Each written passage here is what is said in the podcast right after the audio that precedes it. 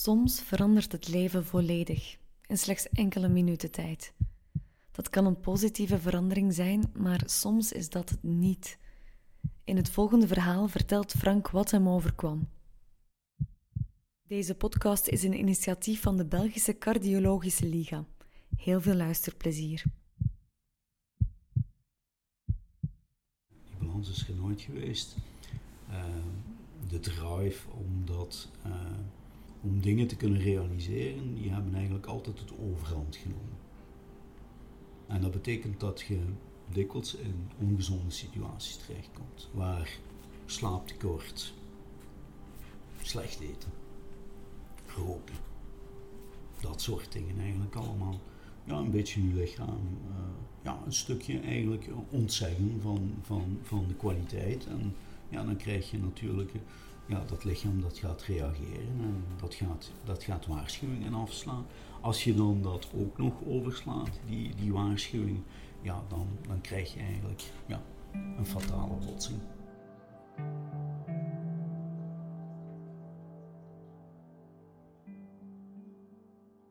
Er zijn mensen die worden eigenlijk geboren en die staan s morgens op en die zeggen, I do my 9 to 5 job. Ja? En is, daar is niks verkeerd aan, dat is prachtig. Hè? Er zijn mensen die opstaan s morgens en die zeggen, uh, weet je wat, ik ga een euro verdienen vandaag. En er zijn mensen die opstaan en die zeggen van, ik wil een stukje veranderen. Ik ben bij de derde partij natuurlijk.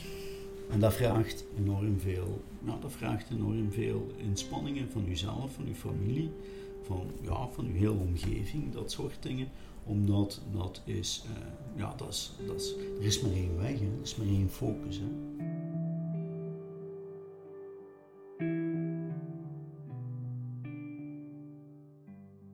Ik ben Frank van Walkenhuizen, ik ben 62 jaar. Uh, bijna 40 jaar gelukkig getrouwd, twee kinderen, de gelukkige uh, grootvader van twee kleine kinderen. De tijd die ik niet aan mijn kinderen heb kunnen besteden, probeer ik nu aan de kleinkinderen te besteden. Uh, een professioneel leven nog steeds. Drie bedrijven waar ik aan de leiding sta. Ja, tot enorme inspanningen daarvoor. om dingen te kunnen realiseren, die hebben eigenlijk altijd het overhand genomen. En dat betekent dat je dikwijls in ongezonde situaties terechtkomt. Ja, een stukje eigenlijk ontzeggen van, van, van de kwaliteit. En dat vertaalt zich in allerlei uh, symptomen als uh, dat je in je auto zit op, op weg naar een klant in, naar, naar Brussel en dat je je opzij moet zetten van de parking. Dat je dermate, uh, laten we zeggen, onder de ja, laat me zeggen, hartkloppingen zit en, en, dat je je niet goed voelt, dat je even moet bijkomen, dat soort dingen in feite.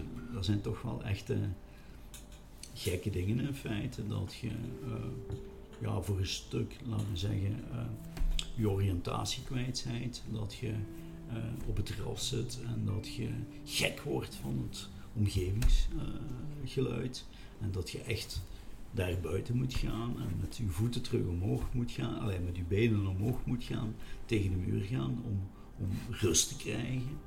Dat, waren, dat zijn toch dingen die getriggerd hebben, hè? dat soort dingen.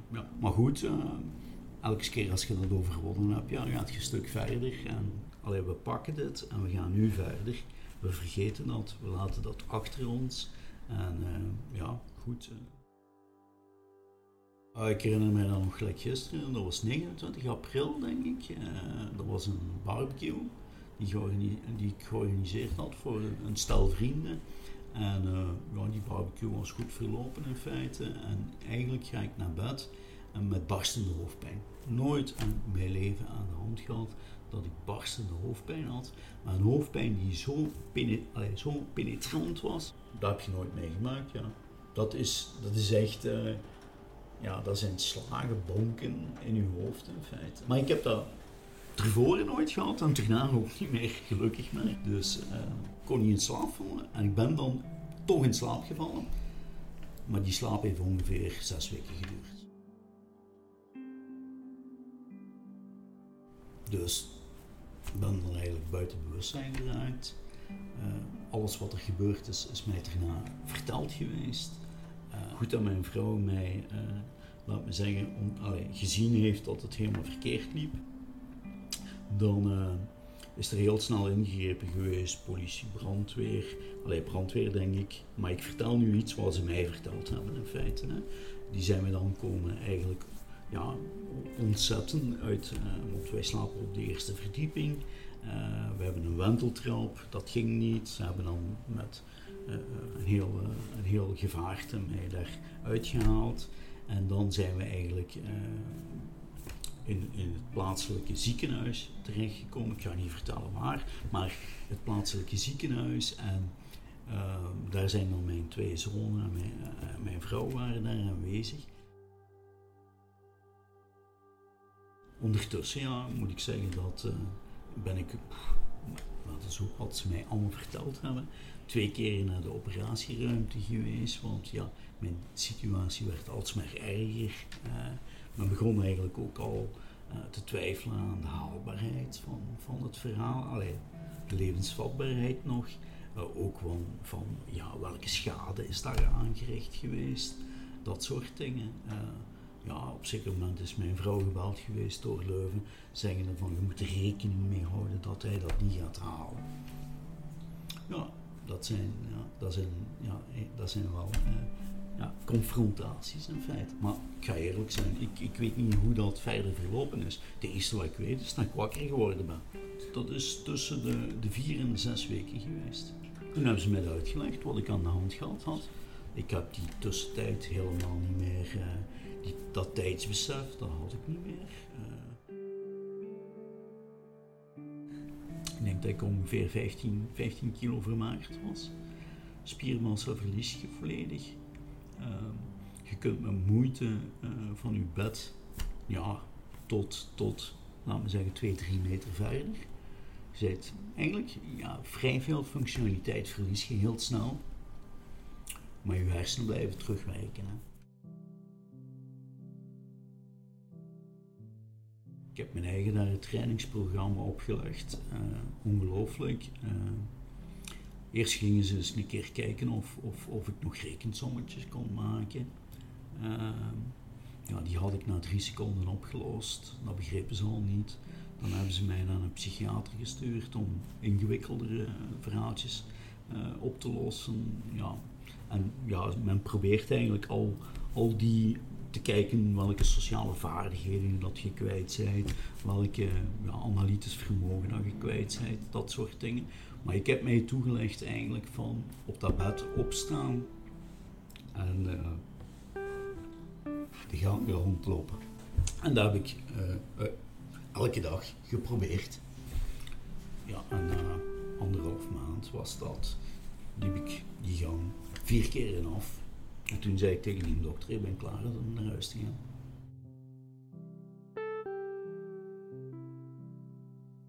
Nu, je moet weten, tussen, tussen dat rondlopen, uh, dat haalbaarheid, hè, dus dat is ook afkicken van roken. Hè. Dus ik was een hele zware roker, dus ik rook niet meer sinds toen. Maar ik had ook een buis in mijn hoofd zitten. Hè. En die buis uit je hoofd, die moet eerst weg. Hè. Dus omdat er een soort drainage. En uh, uh, je moet eigenlijk die parameters kunnen gaan halen. Hè. Dus men kijkt naar dat hersenvocht en men kijkt eigenlijk naar hoeveel bloed dat er nog in zit. En als dat op zeker moment, ja, laat me zeggen, volledig klaar is, hè, dan, dan, dan zit je eigenlijk in, in de herstelsituatie. Ik lag in mijn bed en ik zeg tegen mijn eigen van, ik ga me hier rustig de tijd geven om voldoende te recupereren om terug te komen. Hè had eigenlijk al een beetje de garantie dat, dat het allemaal ja, overgepakt werd. Hè? Dat het uit mijn handen gepakt werd door mijn twee zonen en door mijn vrouw. En dat, dat stelde een gemoedsrust. Dus ik had eigenlijk het gevoel, neem nu even rustig uw tijd om, laat me zeggen, dit kunnen te overwinnen. Zes maanden geduurd. Hè? ik, herinner mij de eerste dag dat ik naar mijn werk ging. Ik woonde in Hasselt en ik moest dan eigenlijk ongeveer, nou, ik zeg maar iets, uh, tot het centrum van Hasselt uh, lopen. En dat ik twee keer moest gaan zitten op een bankje om bij te komen. Hè.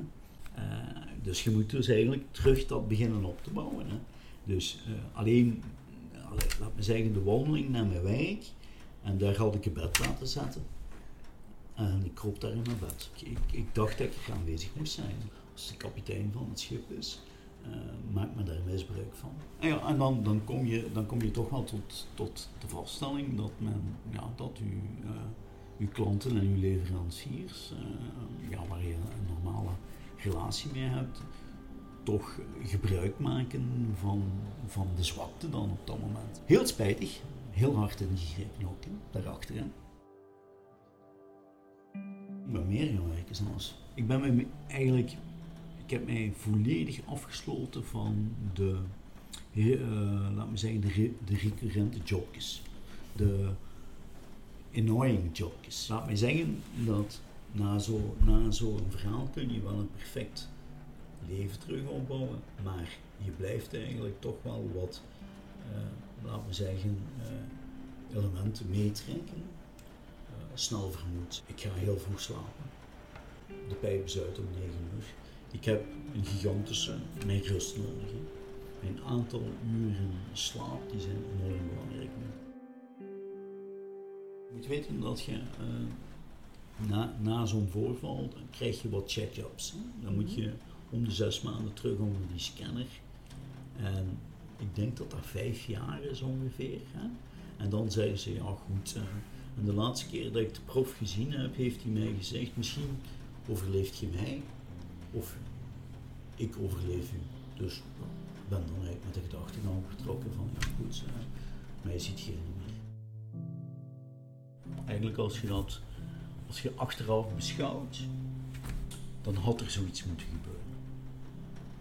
Nu, maar als je dan dat terug bekijkt en, en je gaat dan ook kijken naar, naar ja, laat me zeggen, de stressfactor, de, de levenselementen, ja, dan, dan moet je eigenlijk wel daar naartoe lopen. Hè. Je kunt eigenlijk ja, krediet trekken, heel lang. Maar op zeker moment moet je dat krediet aflossen. Hè. En dat is het moment dan. En dan gebeurt dat. Ik zag dat eigenlijk als een tweede kant. En uh, die tweede kant was eigenlijk vrij belangrijk. Want ja, als je bijna, bijna als iedereen u verteld heeft dat je door de oog van de naald gekropen bent en je krijgt dan die tweede kans, ja, dan, dan wilt je die eigenlijk ook met twee handen nemen. Wat initieert dat? Dat is natuurlijk een hele hoop veranderingen in je eigen leven. Hè. Allee, wat je vooruit stelt hè, in het begin. Wij spreken ook altijd over de tijd voor en de tijd na in de familie. We hebben ook elk jaar een, een bijeenkomst. Hè. Dan gaan we samen eten om eigenlijk dat, dat feit te herdenken. Ik geloof heel veel in, in, in, in het herpakken. Zelfs als je met een, uh, met een handicap eruit komt. Hè? Want er zijn ook heel veel mensen die op een of andere manier, zou we zeggen, iets ervan overhouden. Uh, maar uiteindelijk, het is, uh, ik denk dat, dat als je je kunt uh, herpakken daarin en je kunt, laat me zeggen, je leven terug kwalitatief verder zetten. Hè? Dat is zeer belangrijk dat je daar moet vervechten. Dus de les daaruit is in feite, allee, misschien de les voor iedereen een beetje, is dat ja, je, mocht dan, je eigenlijk niet opgeven. Hè? Hoe nou je dat ook beschouwt, hè? ik denk dat je niet bij de pakken moet blijven zitten. Hè? Zelfs al houd je daar iets aan over, je moet eigenlijk gewoon blijven verder inzetten op een nieuw leven. Hè? Ik ben uh, Chris van Manshoven, ik ben de echtgenote van Frank. Wij kennen elkaar van toen wij 14 en 15 zijn. Dus we zijn al een hele tijd samen. En uh, ja, er is een heel voor- en na verhaal.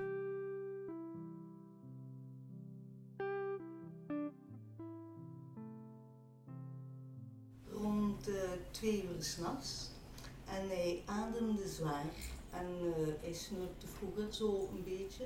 En ik duwde en dat was heel zwaar gewicht. Dus anders beweegt je. En ik voelde, oei, hier klopt iets niet.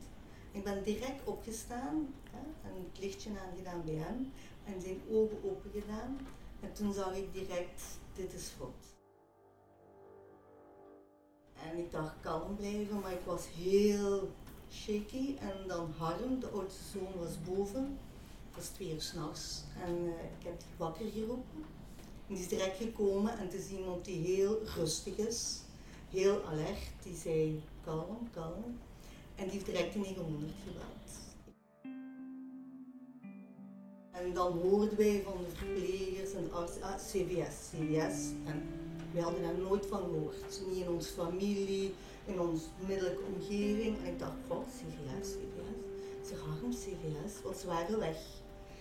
En uh, wij dat aan het opzoeken. En toen wisten we pas wat het was.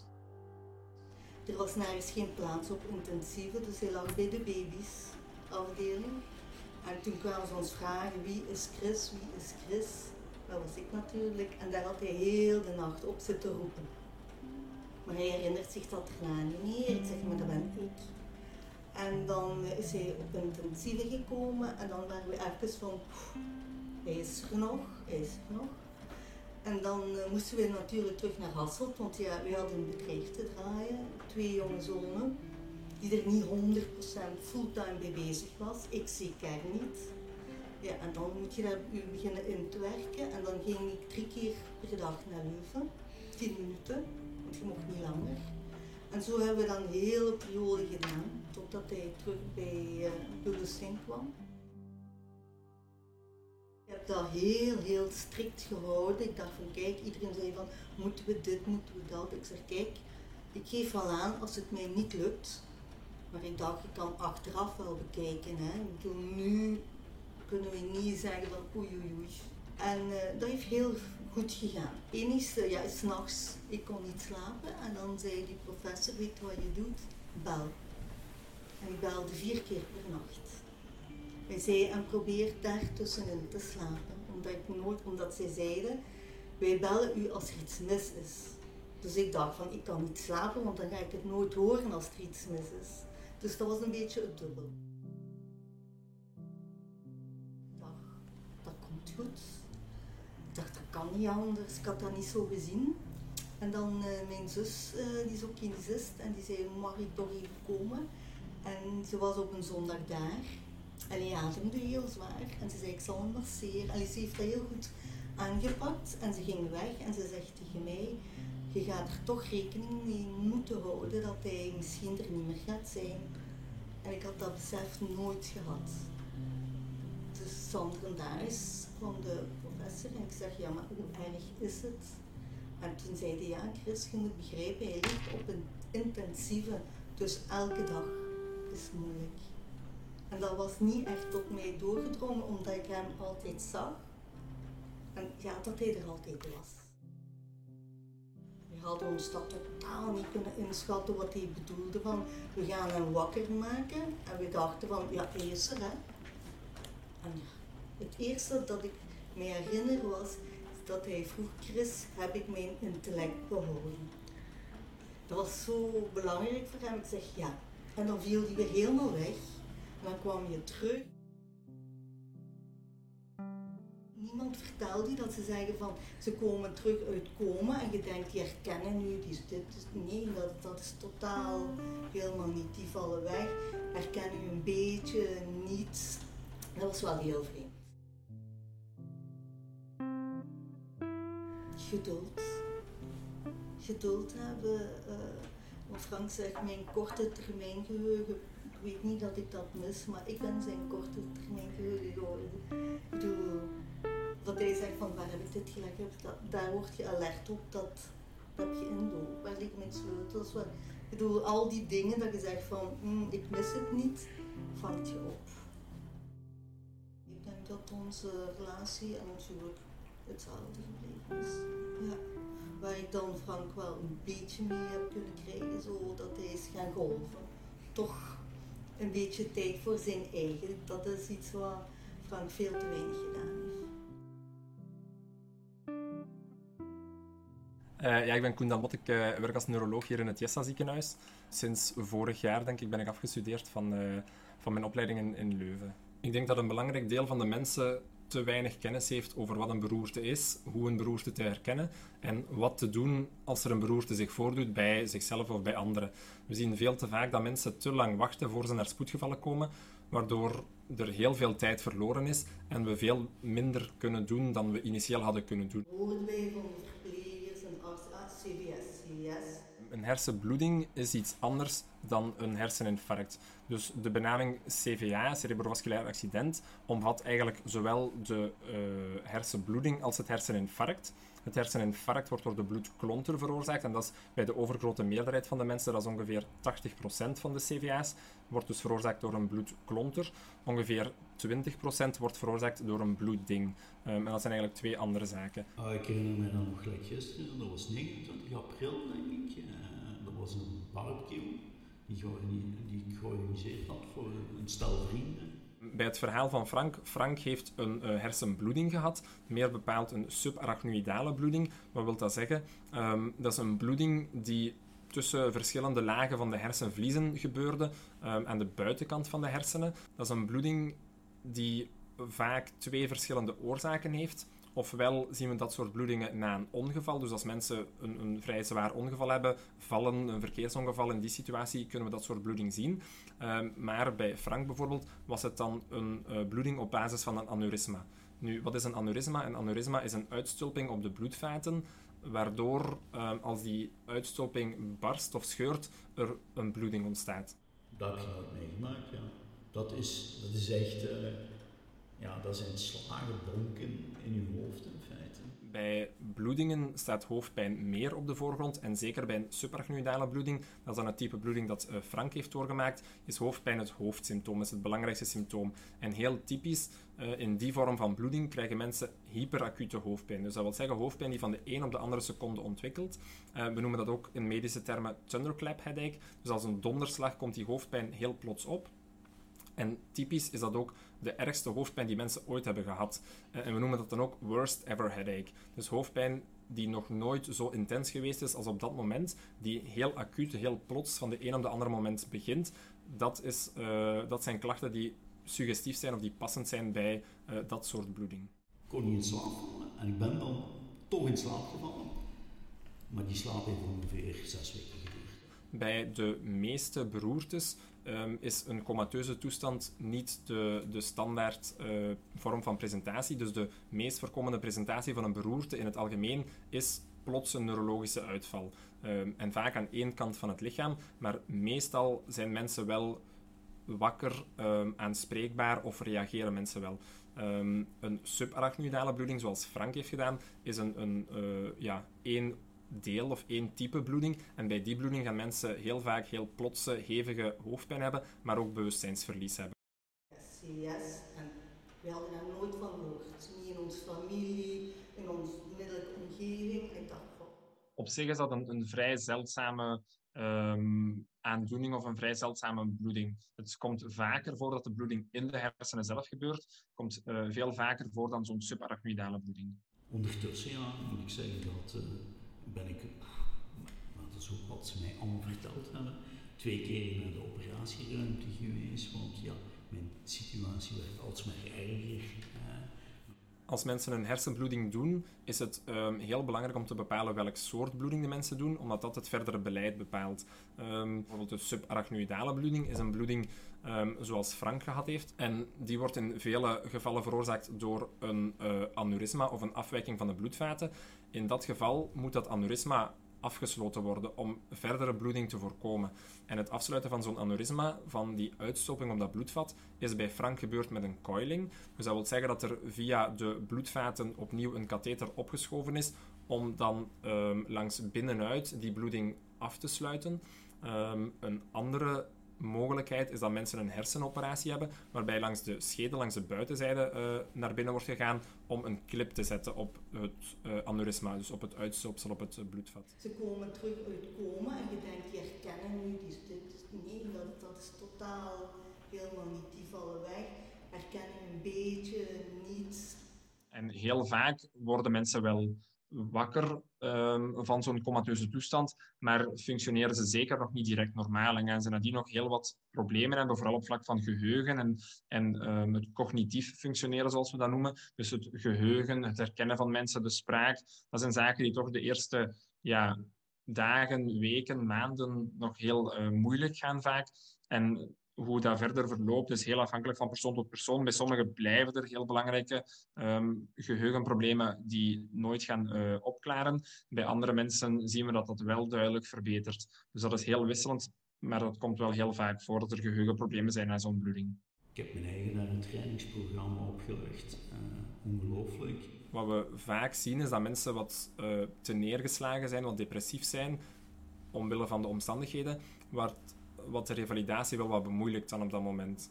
Um, dus het is wel zeker en vast belangrijk dat mensen gemotiveerd zijn om, om mee te doen. Soms gaan mensen ook wat meedenken over wat er voor hun het, het, beste is, of wat zij denken dat voor hun het beste is. En dat is zeker altijd mogelijk. Maar het blijft natuurlijk wat in overleg wat, ja, wat er het beste gebeurt. Als je dan dat terug bekijkt en, en je gaat dan ook kijken naar de stressfactor, de, de levenselementen, ja, dan, dan moet je eigenlijk wel daar naartoe lopen. Hè mensen die roken en mensen die een verhoogde bloeddruk hebben, um, dat zijn de mensen die een verhoogd risico hebben om zo'n aneurysma te vormen.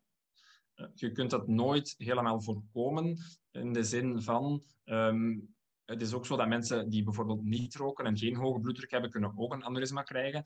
Maar we zien wel dat mensen die roken en een hoge bloeddruk hebben, daar een hogere kans of een hoger risico toe hebben om zo'n aneurysma te krijgen. De persoonlijke voorgeschiedenis hebben mensen ooit al zo'n aneurysma gehad dat uh, gescheurd is, dat een bloeding heeft veroorzaakt of niet. En is er in de familie iemand met een aneurysma dat al mogelijk een bloeding heeft veroorzaakt of niet. Dus die factoren bepalen allemaal het risico op het scheuren van zo'n aneurysma of op het ontstaan van zo'n subarachnoïdale bloeding. Ik zag dat eigenlijk als een tweede kant. Vooral belangrijk, hyperacute hoofdpijn die heel plots ontstaat, heel hevig is, dat is altijd een alarmsymptoom. Of er nu wel of niet bewustzijnsvermindering bij is, hyperacute, heel plots ontstaande hoofdpijn is altijd een alarmsymptoom en is altijd een reden om naar spoedgevallen te gaan. En ook bewustzijnsverlies, bewustzijnsvermindering is ook op zich altijd een reden om naar spoedgevallen te gaan. Onze dank gaat uit naar Frank en zijn partner voor hun verhaal en naar dokter Koen Delmot voor zijn deskundige uitleg. Ben je ook slachtoffer geweest van een hart- of vaatziekte en wil je je verhaal vertellen via een van onze podcasts? Neem dan contact met ons op. Onze contactgegevens vind je op onze website. De Belgische Cardiologische Liga dankt je voor je interesse en luisterbereidheid. Wil je meer informatie? Surf dan naar onze website www.leecardioliga.be